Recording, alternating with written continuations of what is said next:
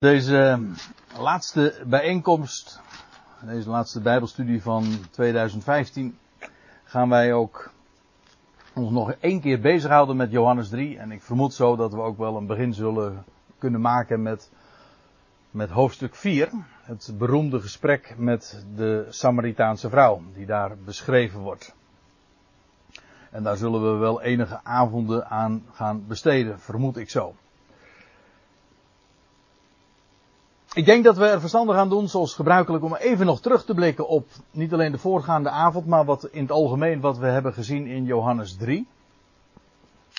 Daar vinden we in de aanvang, en daar is het hoofdstuk denk ik ook met name bekend om, het gesprek met Nicodemus, die genoemd wordt door de Heer Jezus zelf de leraar van Israël.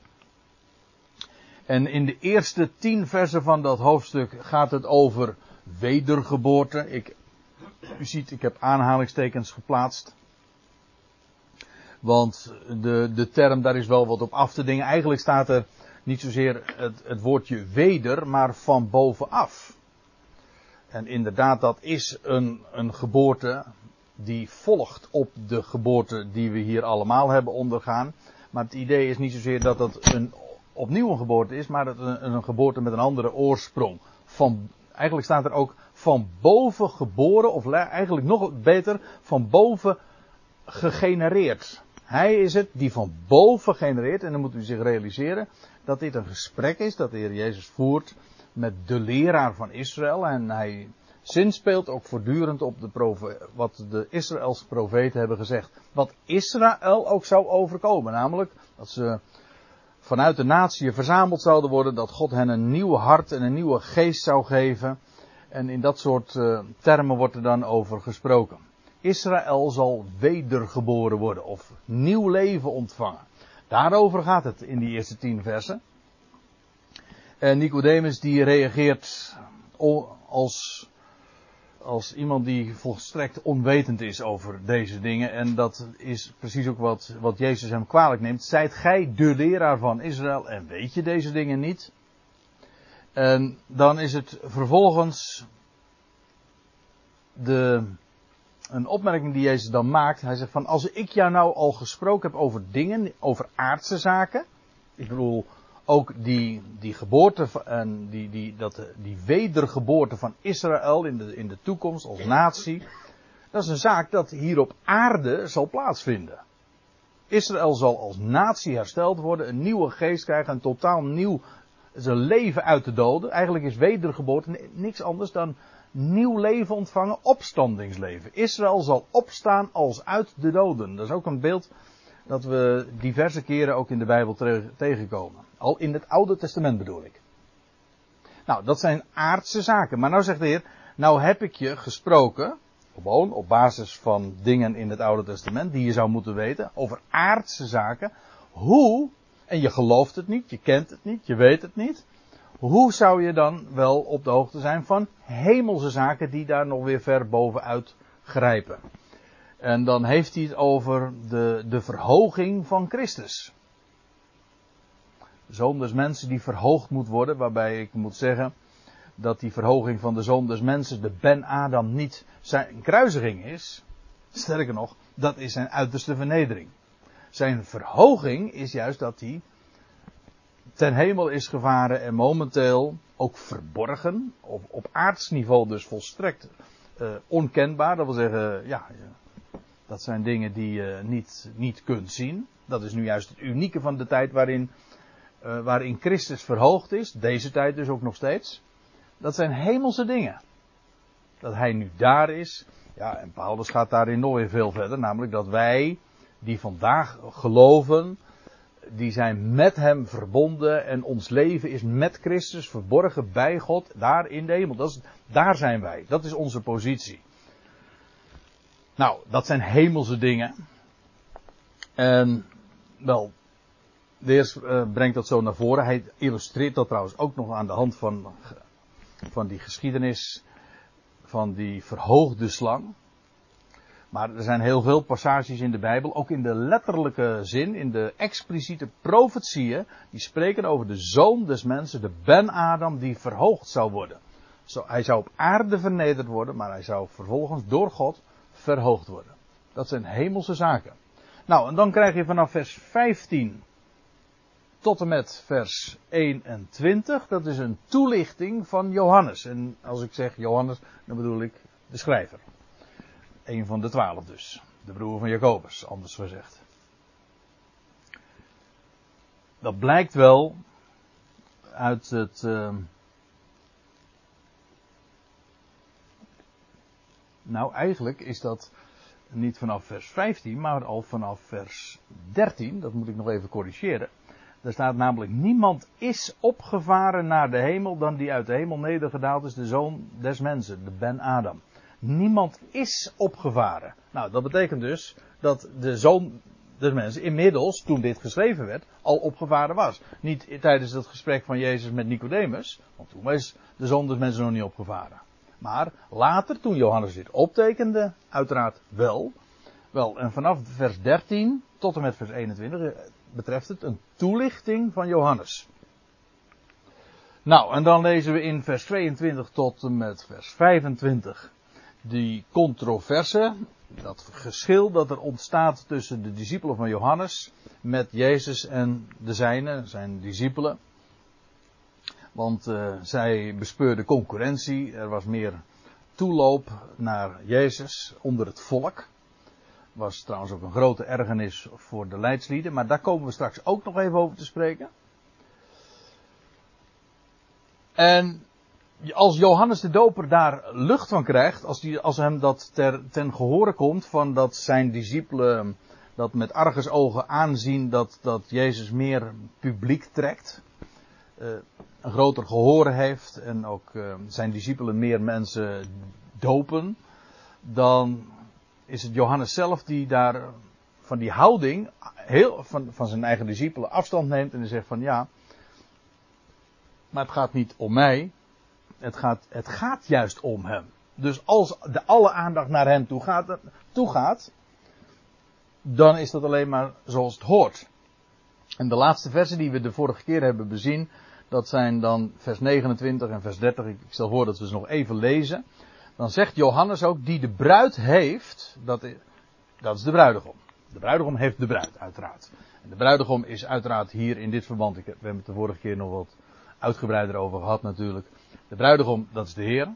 Ook dat is weer zo'n bekend beeld van de, uit de, het Oude Testament. Waarbij Israël de bruid is. En de bruidegom, dat is de Messias. Ik weet dat hier natuurlijk ook, eh, als ik zoiets zeg, dat dit ook omstreden is. Want dan zeggen ze, ja, maar de kerk is toch de bruid. Nou, eh, ik moet u zeggen, nou ja, ik hou al niet zo van die term de kerk, want dan denk ik meteen aan instituut. Maar goed, de, de tegenwoordige gemeente, dat is het lichaam van Christus. Paulus gebruikt never nooit dat beeld van een bruid. Hij zegt, uh, die de bruid heeft, dat zegt Johannes de Doper, dat is de bruidegom. Hij zegt, maar de vriend van de bruidegom, en dat is Johannes zelf. Hij is eigenlijk een supporter van de bruidegom. En die ook de, de, de twee bij elkaar brengt. En ook eigenlijk de ceremoniemeester, zeg maar, op de bruiloft. De vriend van de bruidegom die erbij staat en naar hem, de bruidegom, luistert, die verblijdt zich met blijdschap over de stem van de bruidegom. Kijk, die discipelen van Johannes, die zagen dat allemaal uh, ongemakkelijk aan en die waren feitelijk jaloers vanwege de aandacht die naar Jezus ging. Maar, hij maar Johannes zegt, ik ben de vriend van de bruidegom, ik verblijd mij met blijdschap over, over dat wat hij te melden heeft. Over het feit dat ik zijn stem mag horen. En logisch dat de aandacht naar hem toe gaat. Hij zegt, zo is dan juist mijn blijdschap vervuld. Als dat gebeurt. En dan, en dat zijn de laatste woorden geweest die we hebben besproken. Hij moet wassen.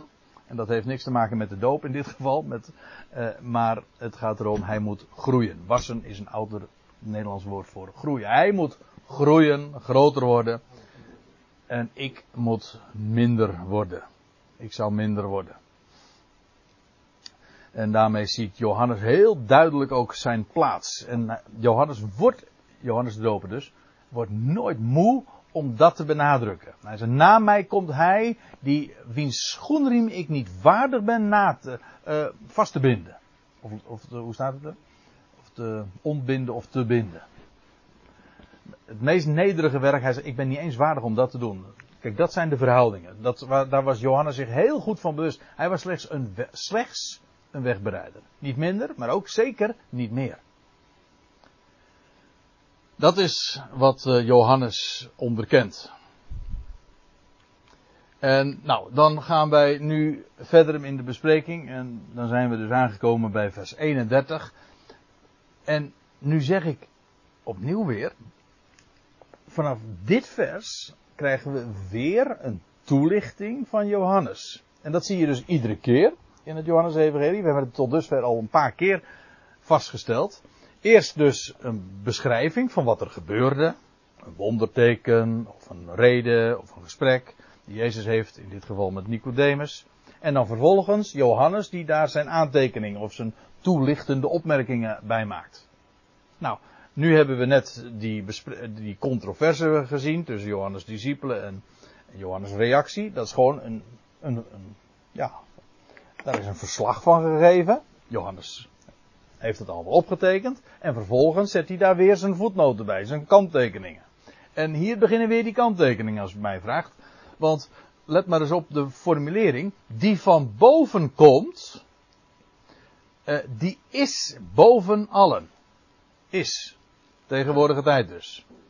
En daaruit blijkt weer dat ook dit weer die, een toelichting is van de schrijver. Hier, Jezus was inmiddels niet meer hier op aarde. Nee, hij was boven allen. Hij was dus verhoogd. En dat is dus een uitbeelding van de tegenwoordige positie van de Zoon van God. In de hemel. Inmiddels dus verhoogd. Dat zijn nou die hemelse dingen.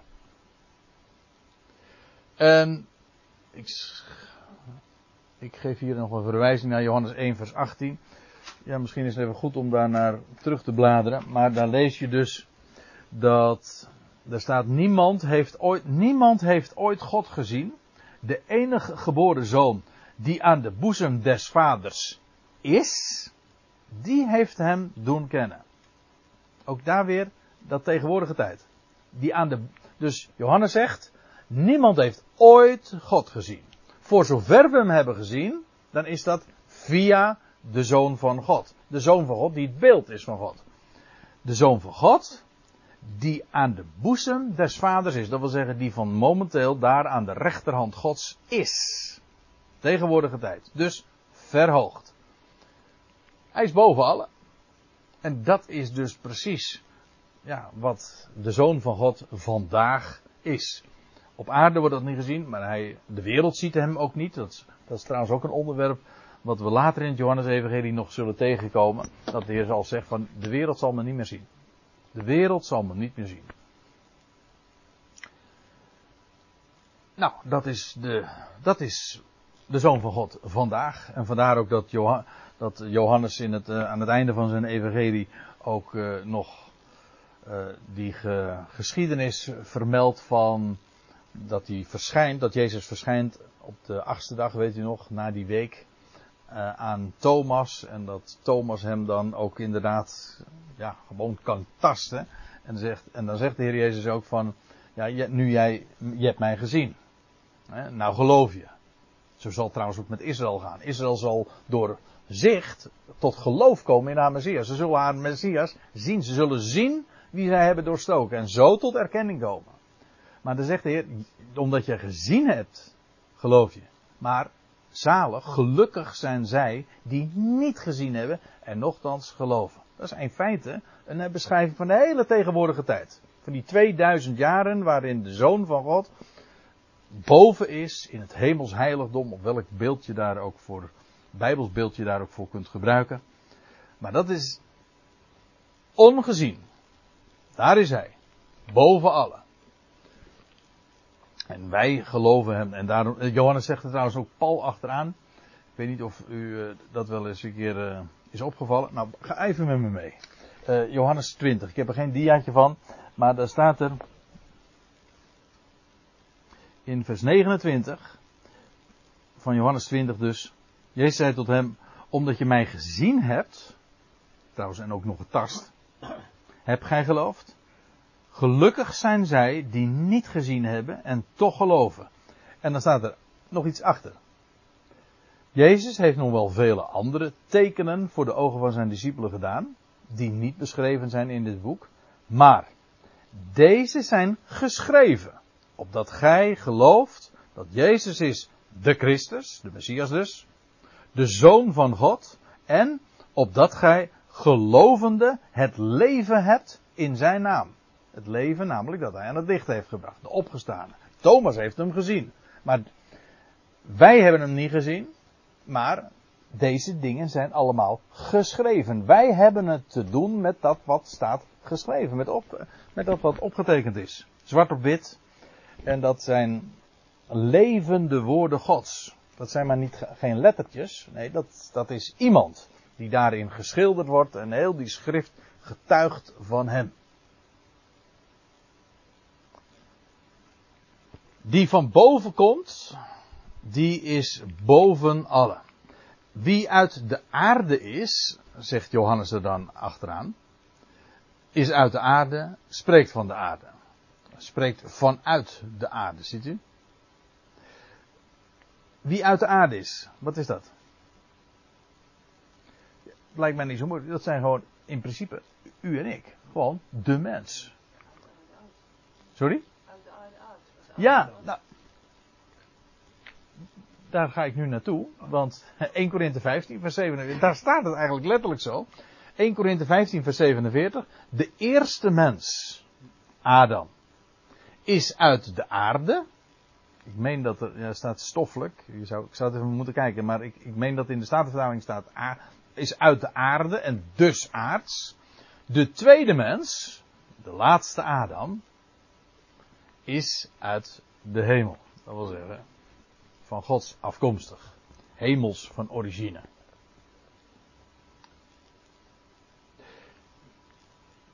Er zit trouwens nog iets moois aan vast. Uh, als je het vanuit het Hebreeuws bekijkt. Want het woord Adam. Is een, Adam is een Hebreeuws woord. Maar Adam betekent eigenlijk uh, iemand die uit de aarde komt. Het woord voor aarde in het Hebreeuws is Adama. Een, een vrouwelijk woord. En feitelijk is de mens afkomstig uit moeder. Ja, we spreken er ook over. Over moeder aarde. De aarde is inderdaad de moeder waaruit wij voortkomen. En Adam komt dus uit Adama. Dus eigenlijk als je in het Hebreeuws Adam zegt, mens, Kijk, voor ons is het ook nog eens een persoonsnaam. We doelen daarmee op ons aller voorvader. Maar het is gewoon het woord mens. Wij heten zo omdat we allemaal gewoon naar onze voorvader genoemd zijn, zeg maar. Die mens was, Adam. Maar eigenlijk zeg je in het, in het Hebreeuws, als je Adam zegt, dan zeg je feitelijk, hij die uit de aarde is voortgekomen. Adama. Een aardeling. Dus ja, je zou het nog anders kunnen zeggen. Een mens is in het Hebreeuws een aardeling. Ik geef toe, het klinkt niet echt uh, zo, uh, zo fraai in het Nederlands. Maar u begrijpt wat ik bedoel. Je bent gewoon iemand van de aarde. Uit de aarde afkomstig. Stof zijt gij. En tot stof kun je weer terug.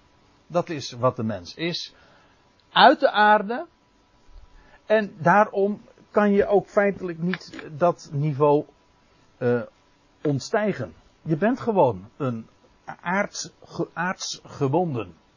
Dat is ons lot. En voor zover een mens meer is, dan is het omdat de God des hemels, de levende God wat met je doet en je op een andere, hogere plaats zet, maar gewoon onze positie als mens, als aardeling, zijn, is gewoon hiermee getekend.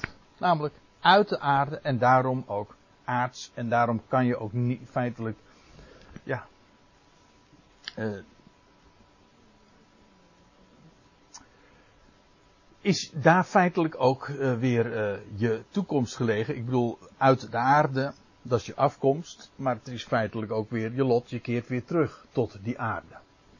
Nou, ik zei al, tenzij God wat met je gaat doen, maar dat, dan, dat heeft dan te maken met die tweede mens, met de laatste Adam. Dan wordt het hele proces omgekeerd. Maar dit is, ja, daarmee getekend. Een aardeling. In vers 32 van Johannes 3 krijgen we feitelijk min of meer een herhaling, tenminste die eerste zin, die uit de hemel komt.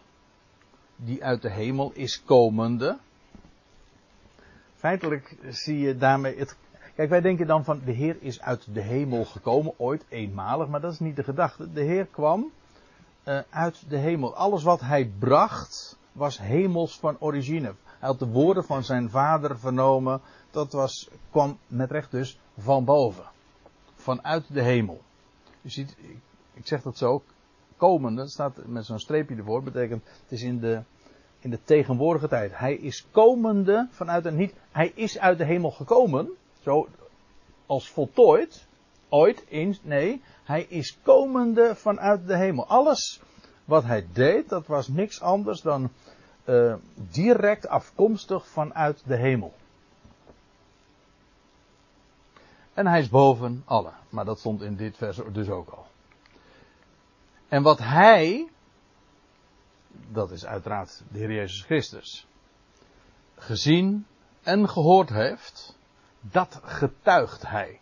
Dat is een heel, be, heel belangrijk, basic begrip in met name ook het Johannes-evangelie. Dat woord getuigenis. En u moet zich realiseren dat, ik, ik heb het al, een paar keer geloof ik wel naar voren gebracht. In feite is het een juridisch begrip. Getuigen. Eh, voor de rechtbank worden getuigen opgeroepen.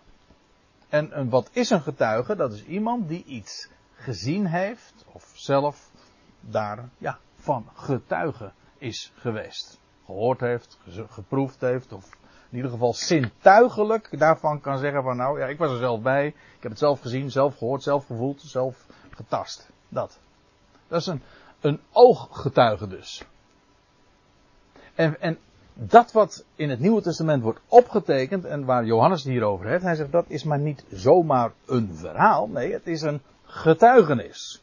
Het is gewoon gezien, gehoord en waargenomen. En daar zijn getuigen van. Meer, feitelijk zelfs, ja, u weet, een getuigenis staat vast. Moeten er minimaal twee getuigen zijn. Of drie, twee of drie getuigen. Bij elke zaak, of bij twee of drie getuigen zal een zaak vaststaan. En dat is hier trouwens ook aan de, aan de hand. Want feitelijk wordt hier, met name in het begin, steeds terugverwezen naar de doop van, van Jezus door Johannes, de doper, in de Jordaan. Want eh, wat hij gezien en gehoord heeft, waar, waar, zou die op doelen? Die uit de hemel komt, dat gaat over de Heer Jezus, die is boven alle. Wat hij, enkelvoud, dus het gaat hier specifiek over uh, Jezus Christus zelf, gezien en gehoord heeft, dat getuigt hij. Oké, er waren er die dat getuigenis bevestigden, maar hij getuigt. Uh, wat heeft hij gezien en gehoord? Wel, dat hij inderdaad de zoon van God is. Ik neem u nog even mee naar Johannes 1. Daar staat, en Johannes, heb je het weer, getuigde, nogmaals, Johannes is hier weer, Johannes de Doper. Ik geef toe, dat is soms wat verwarrend, maar Johannes getuigde en zeide, ik heb aanschouwd dat de geest neerdaalde als een duif uit de hemel en hij bleef op hem. En dan staat er, eh, ze voegen Johannes de Doper aan toe, ik kende hem niet in die gestalte. En in hoeverre Johannes de Doper uh, hem helemaal niet heeft gekend, dat weet, dat, je zou uit deze woorden zelfs kunnen opmaken dat hij hem helemaal niet kende. Maar we moeten ons wel realiseren dat hun beide moeders, dat waren nichten, en die waren elkaar, uh, nou ja, we weten dat. Ik bedoel, het is bijna kerst en dan wordt uh, weer vaak verwezen naar, naar het begin van het Lucas-evangelie. Dat Maria een bezoek bracht aan Elisabeth, die haar nicht was. Maar zij waren dus familie. Johannes de Doper was trouwens ook nog een oudere, een half jaar ouder. toen Elisabeth zes maanden zwanger was, toen werd, uh, Maria zwanger. Dus ze, ze scheelde een half jaar. Dat is ook niet zonder betekenis, maar dat, dat laat ik hier even voor wat het is. Maar Johannes zegt dus, ik kende hem niet. Of hij dat echt in de absolute zin bedoelde, of, of alleen maar in de zin van, van wie hij werkelijk was, namelijk de Zoon van God. Dat laat ik in het midden, maar ik kende hem niet. Maar hij, God, die mij gezonden had om te dopen in water, die had tot mij gezegd, op wie jij de geest ziet neerdalen en op hem blijven, deze is het die in heilige geest zal dopen. En dan zegt Johannes erbij, en ik heb gezien en getuigd dat deze de zoon van God is. Dus Johannes bevestigt dat. Dus als Jezus inderdaad verklaart, ik ben de zoon van God, ja, dan is dat, gaat dat helemaal terug naar de geschiedenis van Bethlehem, of ja, van Maria, die als maagd zwanger werd, zonder omgang met een man. Daardoor is hij de zoon van God, maar dat niet alleen. Hij is ook zo bij de doop door God zelf zo aangesproken. Deze is mijn zoon, mijn geliefde. Is trouwens ook het Oude Testament, hè? Psalm 2. Deze is mijn zoon, in wie ik al mijn welbehagen. Nou, moet zich, als je de hele entourage erbij betrekt, dan wordt dat zo veelzeggend, want dan, dan zie je feitelijk daar alweer een plaatje bij van, van, een, van wat een paar jaar later zou gebeuren, namelijk dat de Heer Jezus Christus, hier stond hij in de Jordaan, hij werd ondergedompeld, hij stond, hij staat er ook bij, hij stond uit het water op, notabene, het water van de Jordaan, die doodsjordaan, hij stond daaruit op, en dan vervolgens de geest in de gedaante van de duif, die vliegt en die komt op hem, en die bleef daar bovendien op, op hem uh, zoals u hier ook ziet. En, en toen die stem uit de hemel. En daar zijn getuigen van geweest. Johannes is daar een getuige van geweest. En of er nog meer, veel uh, meer zijn geweest, dat weet ik niet. Maar in ieder geval, het is bevestigd. Dus vanuit de hemel heeft die, hebben die woorden geklonken toen. Dat was ook het officiële begin van Jezus' bediening. Toen werd hij ook gezalfd met Gods geest. Later is het Petrus die dat ook zegt in het huis van Cornelius. God heeft hem bij zijn doop in de Jordaan gezalfd met de geest. Dat wil zeggen, hij werd daar dus feitelijk de Christus. De Mashiach. En dat dat een plaatje is van zijn opstanding, dat is waar. Maar daar werd hij de Christus. Ik ben daar uh, op een andere reden en via een ander traject uh, ook nogal mee bezig. Omdat in Rotterdam geef ik nu studies over, het, over de Bijbelse chronologie. Dan krijg je ook over het einde van die 7 en 62 weken. Uh, in Daniel 9. Dan lees je dat die, die 69 jaarweken die eindigen bij Messias de vorst. En dat is precies bij dit moment. de, ja, dat ga ik uh, bij een latere gelegenheid uitleggen. Maar daar begint, daar eindigt die, die, eindigen die, die 69 jaarweken. Ik ben wel een beetje nieuwsgierig, maar ik ga gewoon opleiden al. Ja, maar ik heb het expres eventjes getild naar het volgende jaar. Want uh, ik ga spannende dingen erover zeggen. Over die 70ste week. Ja, ja. Ja. Ja. Maar goed. Dat wordt 2016. Eh, maar het is allemaal buitengewoon boeiend. Maar weet u, het gaat me er nu even om. Het officiële begin van Jezus' bediening, waar hij gezalfd werd met Gods geest, dat is bij dit moment. Hij is daar getuige, letterlijk, ik bedoel ook ooggetuige van het feit dat, dat hij door God verklaard wordt de zoon te zijn. En ik heb gezien en getuigd dat, hij, dat deze de zoon van God is.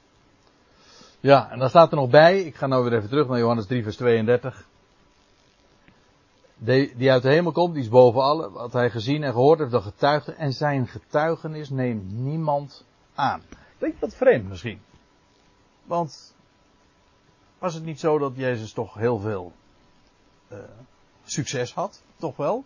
Ik had er zojuist al op gewezen dat velen van het volk juist op hem afgingen. Ja, maar officieel, ik bedoel, de leidslieden moesten niks van hem hebben. zoals de Duitsers zeggen, im ganze groze. Dat wil zeggen, in, in, over het grote geheel. Moesten, ze waren, stonden zeer afwijzend tegenover hem. Want als hier staat en zijn getuigenis neemt niemand aan, dan is dat trouwens ook weer zijn woorden die Johannes gewoon vaststelt.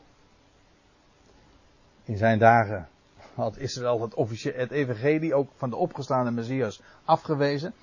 Maar let ook nog even op dit. In Johannes 3 vers 11, dus in ditzelfde hoofdstuk, zegt de Heer Jezus tegen Nicodemus, voorwaar, voorwaar, ik zeg jou, hier enkelvoud. Wij spreken van wat wij weten en wij getuigen van wat wij gezien hebben. Dat wij, ik heb er toen de vorige keer al op, bij die gelegenheid op gewezen, die wij, dat zijn juist Johannes de Doper en ik. Wij zijn eigenlijk die twee getuigen. Hè? Ik zeg je, dat is Jezus. Zeg je, dat is Nicodemus. Wij, en dat is dan uh, ja, wij, maar dat is niet Nicodemus. Nee, dat is Johannes, de doper, en ik. Wij spreken van wat wij weten, wij getuigen van wat wij gezien hebben. En jullie nemen ons getuigenis niet aan. Jullie is daarbij dan ook speciaal, jullie, Nicodemus, de leraar van Israël, als, als representant zeg maar, van, het, ja, van de orthodoxe gezagsdragers, van de autoriteiten. Zij stonden afwijzend. Dat is algemeen de lijn. Ik kom er straks nog even op terug. Uh, want je, we zullen zien dat juist onder het volk was Jezus dik, dikwijls. Ook, ik geef toe, dat is ook een. Uh,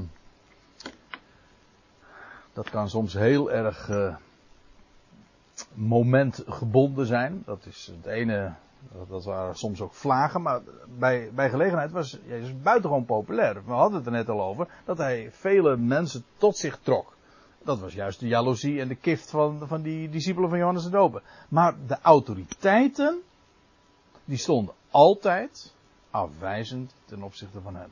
En als het alles een keer anders was, dan was het een enkeling. Een, een Nicodemus die s'nachts tot hem komt, weet je wel, om maar niet gezien te worden. Of van Jozef van Arimathea lees je ook, die in het verborgen, hij was, maakte deel uit van het Sanhedrin, maar in het verborgene was hij een discipel van Jezus. Gewoon, daar, waarmee dus ook gezegd is, dat de leidslieden hem gewoon afwezen. En daarom zijn getuigenis neemt niemand aan. Officieel dan, hè, van het volk. De, de, de vertegenwoordigers van het volk. En nou lees ik even verder in vers 33.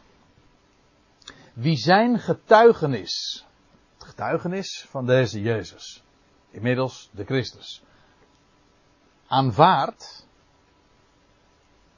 dat die getuigenverklaring dus, die heeft bezegeld, dat wil zeggen wie dat aanvaardt, die heeft daarmee bezegeld, die bezegeld, dat God waarachtig is. Waarmee dus eigenlijk gezegd is dat als je dat aanneemt, wat, wat Jezus sprak, waarvan die getuigde, ja, die getuigde, die bezegelde daarmee ook dat God waarachtig is. Want ja, hij sprak de woorden Gods. Dat zullen we zien, want uh, in het volgende vers. Maar laat ik eerst nog eventjes naar dit vers toe gaan, 1 Johannes 5 vers 10. Daar vind je woorden van gelijke strekking. Daar staat dit. Indien wij het getuigenis, dit is een brief dus, hè, dus de brief die Johannes later heeft geschreven. Indien wij het getuigenis van mensen aannemen, en dat doen we, mensen kunnen iets getuigen en dat kun je aannemen. Nou zegt, de, zegt Johannes, het getuigenis van God is zoveel meerder. Want dit is het getuigenis van God, dat hij van zijn zoon getuigd heeft. En nou komt het, wie in de zoon van God gelooft, heeft het getuigenis inzicht. Wie God niet gelooft, heeft hem feitelijk dus tot een leugenaar gemaakt. dit is echt, dit is Johannes. Dit is, zelfs al zou je deze versen niet kennen, en je zou moeten raden van, van, wie heeft dat geschreven, dan zou je al dat herkennen aan de hele stijl, zo zwart-wit. Weet je wel? wie hem gelooft, die bezegelt dat God waarachtig is, wie, hem wie dat verwerpt, die maakt hem feitelijk gewoon tot een leugenaar. Omdat en waarom? Omdat hij niet geloofd heeft in het getuigenis dat God getuigd heeft van zijn zoon.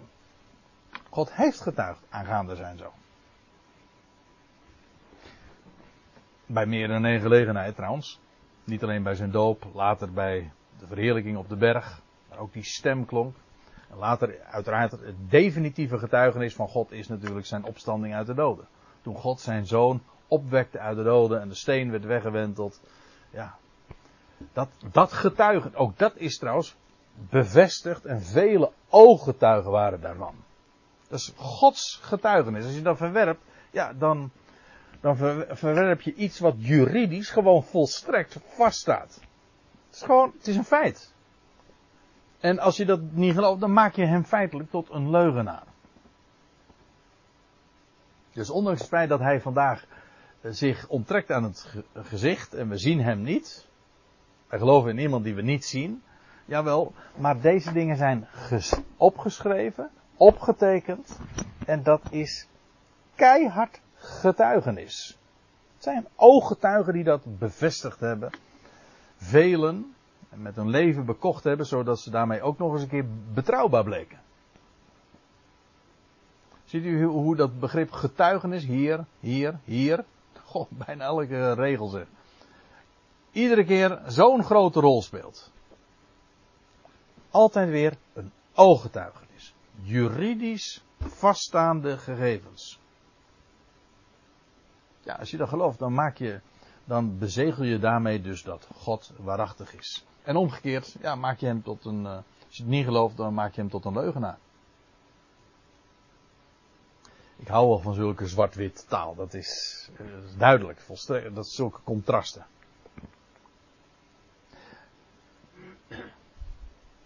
Het wordt nog wat nader gemotiveerd in vers 34, want hij, die God gezonden heeft, en uiteraard gaat het nog steeds over diezelfde, de zoon van God. Hij die God gezonden heeft, die spreekt de woorden Gods. Logisch, want hij is gezonden met een missie om zijn woorden door te geven. Want hij geeft de geest niet met mate. Vanuit een, met een beperking. Niet met mate, dus onbeperkt, royaal. En hier, hier zie je trouwens nog iets moois. En dat is dat die woorden Gods worden hier geest genoemd. Ziet u? Hij die God gezonden heeft, die spreekt de woorden Gods, want hij geeft de geest niet met mate. Met andere woorden, die woorden Gods, dat is die geest. Het is woord en daarin klinkt geest, of daarin komt geest mee, overvloedig. Woord en geest, dat zijn niet twee dingen, dat is één en hetzelfde. Zijn geest is zijn woord. Of, zoals in Johannes 6, vers 63 staat, dat, dat zegt de Heer Jezus, mijn woorden zijn geest en leven. Geest is trouwens hetzelfde als leven. Als je geest ontvangt, ontvang je leven. Stromen van levend water stromen, overvloedig. Kijk, dat, is de, dat zijn de woorden Gods. En als we straks in Johannes 4 komen, en de Heer zit daar, bij die bron van Jacob, en dan gaat het, gaan, gaat het opnieuw weer over de woorden Gods. Want daar spreekt die bron van. Waarom de bron van Jacob is, nou ja, daar hebben we het dan nog wel over. Maar ziet u, die woorden Gods, dat is de geest. En nog steeds zijn we in die toelichting van Johannes. De vader, die heeft de zoon lief. Kijk, dat zijn mensen die eh, een beetje later komen, maar die wisten niet dat de Bijbelstudie om 8 uur begon. De vader heeft de zoon lief. Ja, een prachtige, een prachtige term. Er is juist Johannes gebruikt daar een schitterende uitdrukking voor. Het is alleen Johannes die dat eh, in zijn evangelie, maar ook in zijn brieven dan noemt de enige geboren zoon van God. Dat betekent de unieke zoon van God. De vader heeft de zoon lief en dat blijkt alleen al daaruit dat hij hem alles in handen heeft gegeven. Ook dit is trouwens weer een duidelijke aanwijzing en verwijzing naar de tegenwoordige positie van de zoon van God. Want nu is hem. Uh, hoe staat het in Johannes 17, vers 2? Nou, ik ga hem niet opzoeken, maar dat, dan zegt de Heer Jezus in het hoge priestelijk gebed dat, hem, dat hij macht heeft, volmacht heeft gekregen over alle vlees.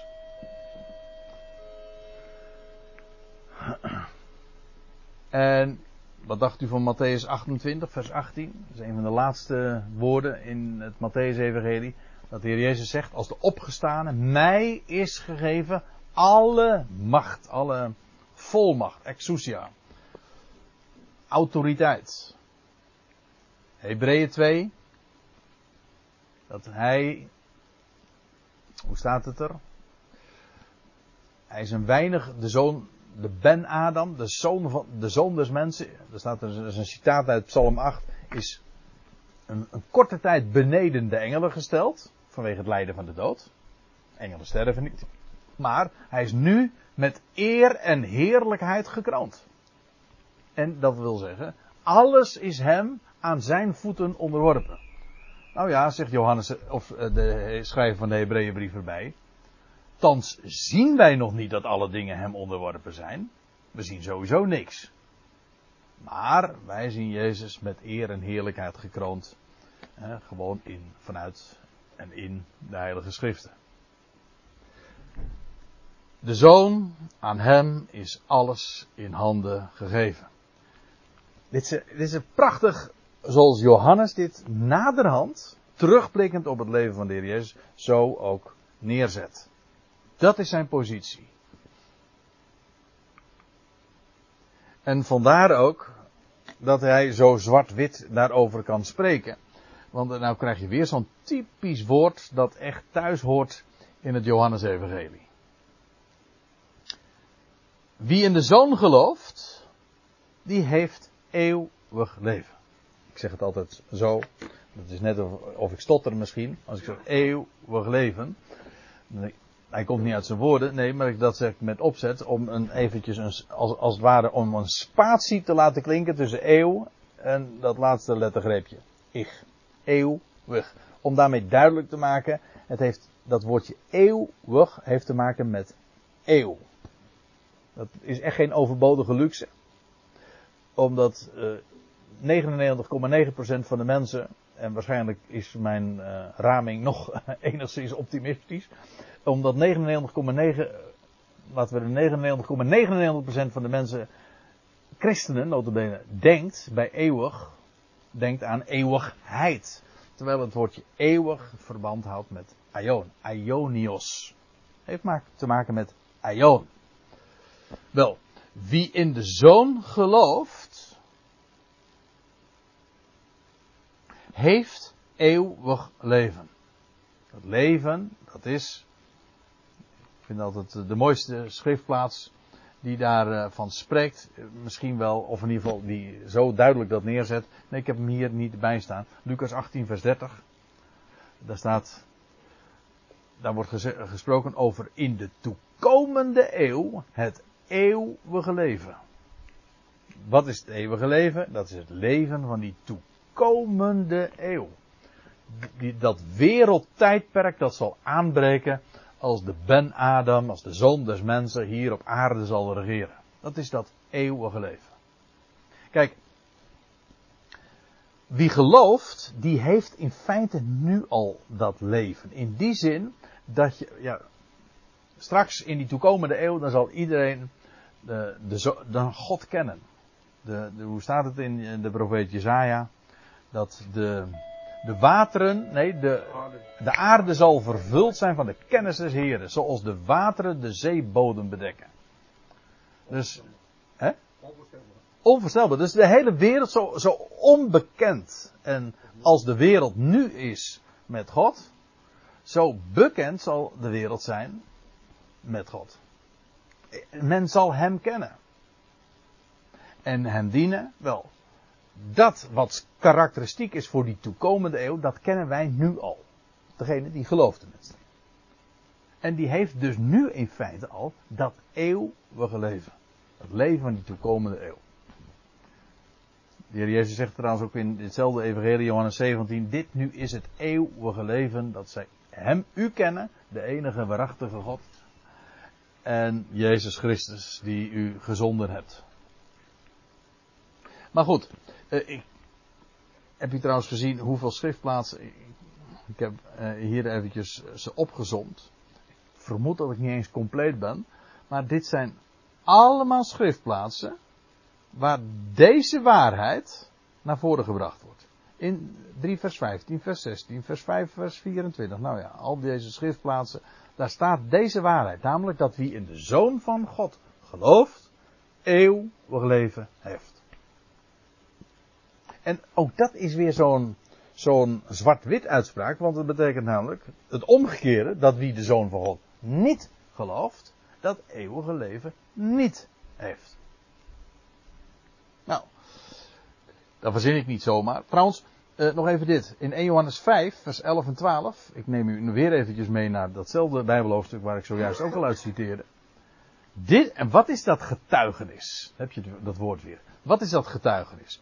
God heeft ons eeuwig leven gegeven. En dit leven is in zijn zoon. Wie de zoon heeft, heeft het leven.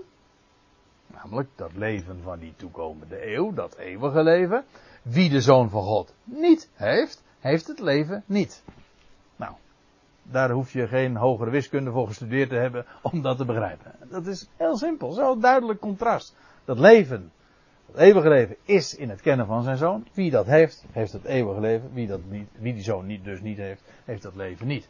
Nou, in Johannes 3, vers 36 staat exact diezelfde waarheid. Wie in de Zoon van God gelooft, die heeft eeuwig leven. Doch, wie de Zoon aan de Zoon ongehoorzaam is, dus ongezeggelijk is. Ongehoorzaam is eigenlijk ongezeggelijk. Eigenlijk is dat dus ook weer het tegenovergestelde van geloven.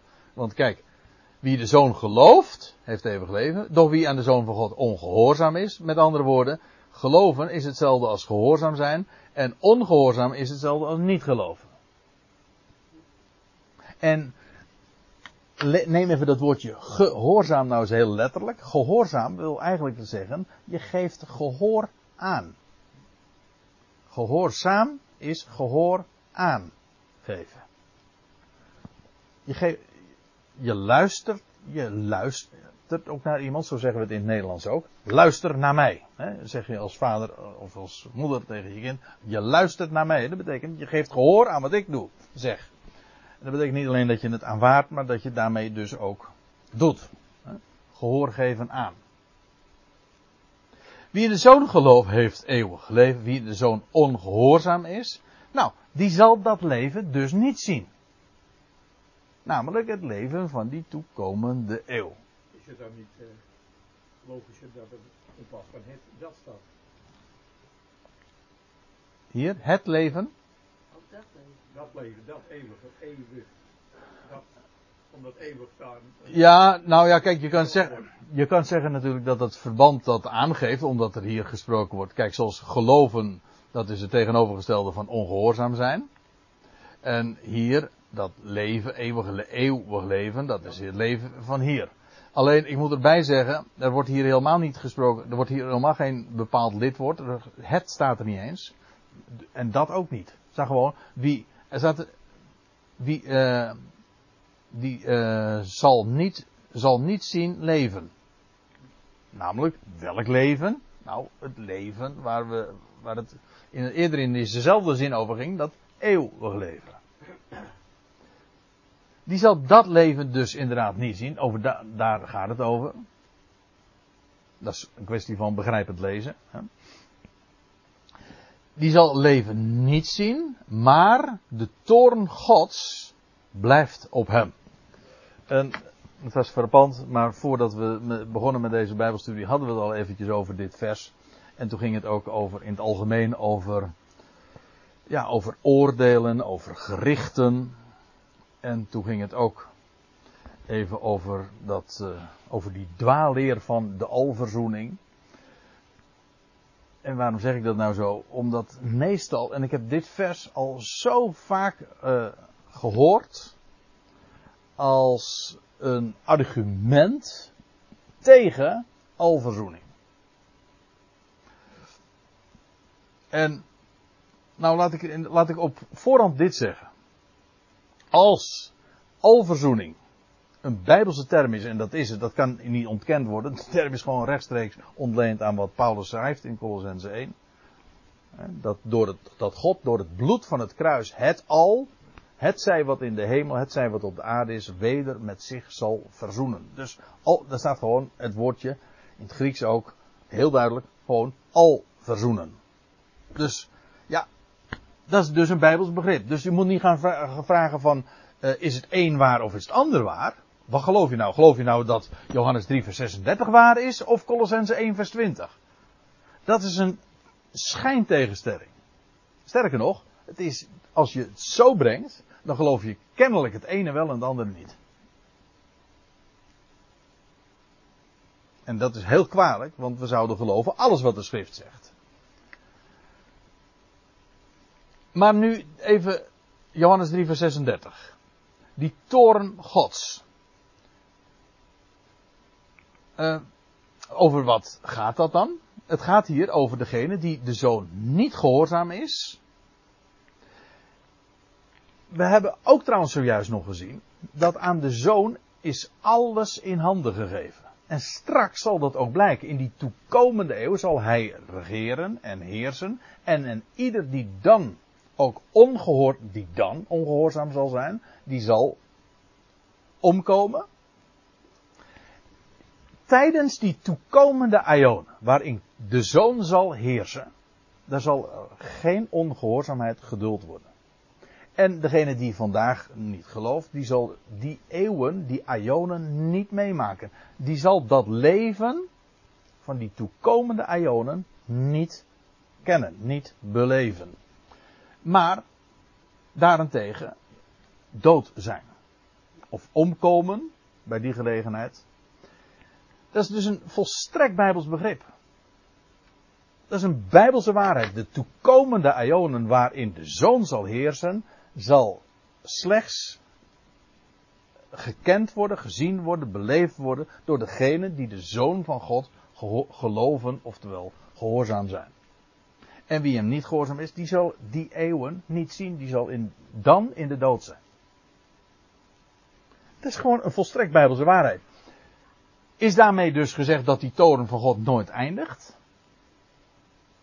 Nee, dat staat er helemaal niet. Ja, ik weet het. Men zegt, ja, maar er staat, de toren van God blijft op hem. Zie je wel, er komt nooit een einde aan. Nou, dan moet ik nog even iets zeggen. Ja, ik, laat het even afmaken. Want ik, ik geef toe dat we hebben... Het wordt, uh, tijd om weer eventjes eh, te gaan pauzeren. Maar ik wil eventjes dit afronden. Dat lijkt me wel een goede zaak. Uh, over dat woordje blijven. Hier staat in het Grieks het woordje meno.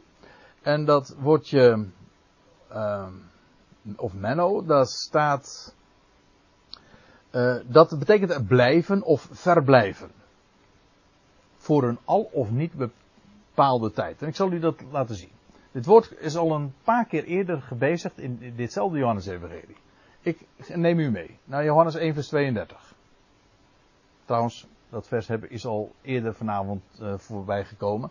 Maar nu, dan zegt Johannes dit. Ik heb aanschouwd dat de geest neerdaalde als een duif uit de hemel en hij bleef op hem. Het is exact hetzelfde Griekse woord. Maar betekent dat dat die duif altijd op hem bleef? Nou, de vraag eh, stellen is haar beantwoorden. Dat is namelijk niet zo. Nee, hij bleef kennelijk een langere tijd op hem dat is waar. Maar natuurlijk niet altijd. Niet altoosdurend. En sterker nog, als we uh, dit woord tegenkomen, dan betekent het nooit blijven in de absolute zin. In de zin van uh, dat daar geen einde meer aan komt. We komen dit woord vervolgens weer tegen in Johannes 1 vers 40. Daar staat, En zij, dat is dan de discipelen, die kwamen dan en ze zagen waar hij verblijf hield. Hier staat weer dat Griekse woord. En zij bleven die dag bij hem. Is, betekent blijven hier altijd daar zijn? Nee, daar staat er hier ook bij. Ze bleven die dag bij hem. Het is gewoon verblijven. Het betekent inderdaad dat je er langer dan een moment, als je ergens verblijf houdt, dan ben je niet een moment. Dan blijf je er. Dan heb je er verblijf. Maar dat wil niet zeggen dat je er altijd bent. Je, hebt een je huurt een verblijf. Waar je dus een langere tijd vertoeft. Maar dat wil niet zeggen dat daar helemaal geen einde aan komt. Nog één, Johannes 2 vers 12. En dan staat er, en zij bleven daar niet vele dagen. Dus ze bleven wel, maar niet vele dagen. Dus dat woordje blijven, dat is wat ik ermee wil zeggen. Zoals dit gebeurt. Ik, ik geef maar een paar voorbeelden. Maar het betekent eigenlijk nooit een in, blijven in de absolute zin, zo, zodat daar geen einde aan zou komen. En dan. Dat is namelijk wat men zegt. Al, kijk, die waarheid dat God alles met zich verzond, dat is in strijd met de, met de gedachte dat de toren van God nooit eindigend is. Dat klopt.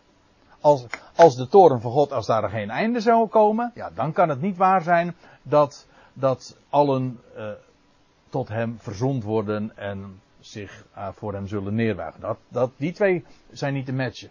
Maar dat kun je niet afleiden uit dit woordje blijven. Blijven betekent niet dat daar dus nooit een einde aan komt. Gewoon de wijze waarop het woord gebruikt wordt, betekent het nooit blijven in de absolute zin. Trouwens, als je de schrift zou kennen, dan zou je ook weten, en dat is het laatste wat ik. Hè? Ja, daar, ik heb daar niet eens een diaatje van, maar uh, Psalm 30. En die moet je echt uit je hoofd kennen, want als je nou echt een tekst wil, wil hebben waarin je die bijbelse verhoudingen gaat verstaan, Psalm 30 vers 6. Hoe ligt nou die bijbelse verhouding tussen toren en, en Gods goede tierenheid?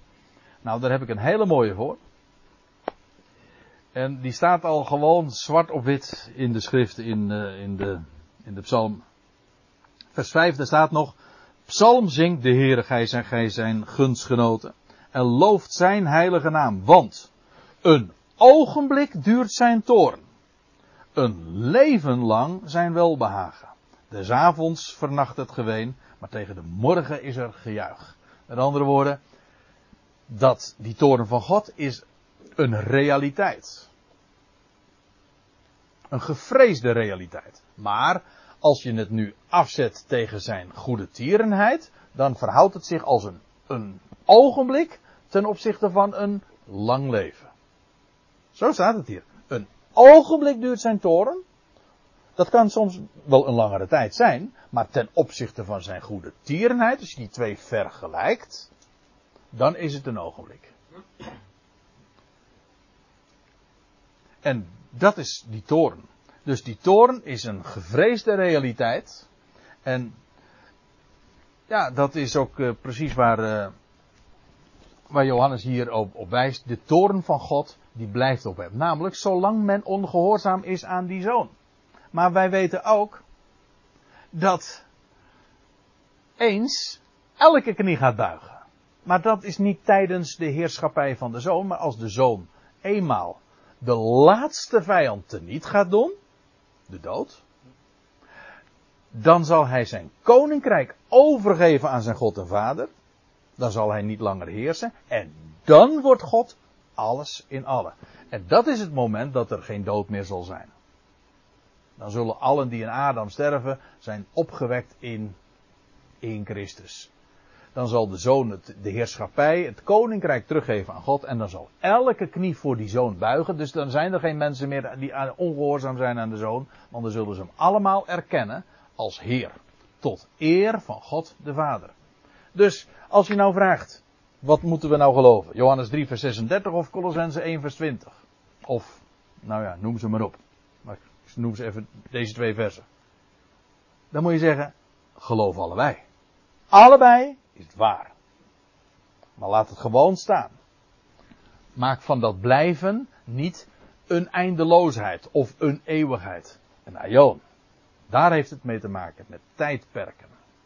En dan, dan is alles in harmonie en zo kennen we ook God. En zo kunnen we hem ook inderdaad psalm zingen als die, als die God die alle dingen wel maakt. Ik stel voor dat we het hier even belaten, want ik zie inmiddels dat het al vijf over negen is. Ja.